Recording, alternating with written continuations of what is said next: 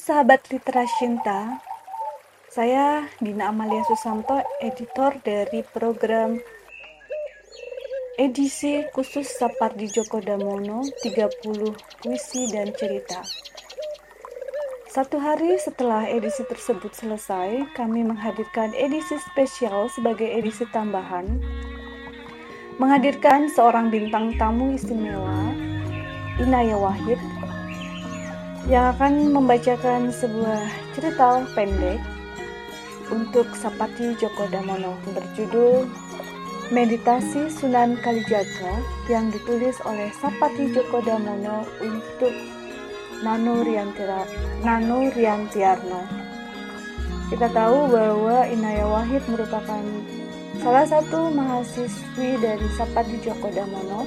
Selamat mendengarkan.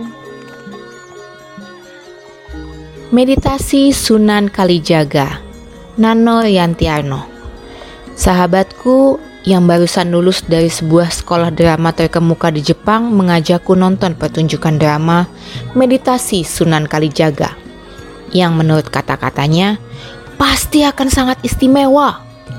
Aku sudah lama tidak pergi bersamanya. Sekarang mumpung ada kesempatan bisa ngobrol lagi dengannya. Depan gedung kesenian dipenuhi calon penonton yang berpakaian rapi. Ada yang pakai jas, ada yang pakai jaket. Aku jadi agak kikuk. Sebab hanya pakai baju lengan pendek dan celana jeans yang sudah agak belel. Sahabatku hanya pakai t-shirt. Sampai di dalam gedung, baru aku sadar bahwa memang perlu pakai pakaian lengkap karena AC-nya dingin sekali. Setelah pengumuman basa-basi tentang larangan memotret dan menyalakan telepon seluler, layar dibuka. Lampu gedung dimatikan. Panggung sepi dan gelap. Ketika menjadi semakin terang, tampak bayang-bayang seorang mengenakan sorban yang duduk bersila. Tidak ada sosok lain tidak ada pula benda lain di panggung. Tidak ada suara. Tidak ada musik. Tidak ada gamelan. Kami penonton semua menunggu.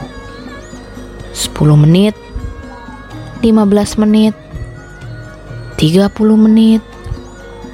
Tidak ada di antara kami yang tampak gelisah, semua tenang, setenang panggung dan kami dengan tajam mengarahkan pandangan ke panggung, menanti apa yang akan terjadi.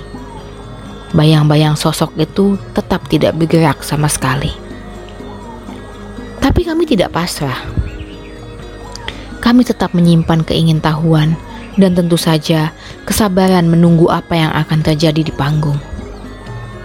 Pada satu titik ketenangan kami, di panggung muncul seekor kucing dari arah kiri menengok kiri kanan seperti mencurigai sesuatu, lalu menyeberang panggung. Semua pandangan diarahkan kepadanya. Kepala kami perlahan serempak bergerak dari kiri ke kanan sampai kucing itu hilang dari pandangan diikuti oleh paduan suara desah kami. Sangat panjang dan pelan. Menandakan kekaguman. Setelah itu panggung kembali lengang seperti semula. Kami sangat lega Setidaknya ada sesuatu yang terjadi di panggung. Dan persis sejam setelah dibuka, layar pun ditutup. Lampu ruangan menyala petanda pertunjukan usai. Seorang pembawa acara, tampaknya begitu, muncul dari arah kiri membungkuk sopan.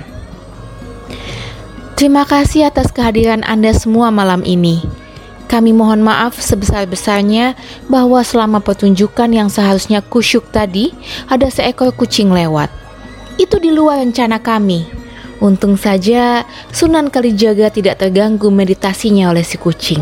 Sekali lagi kami mohon maaf. Lain kali kami tidak akan membiarkan kucing berkeliaran di panggung. Gedung pun riuh hendah oleh tepuk tangan kami.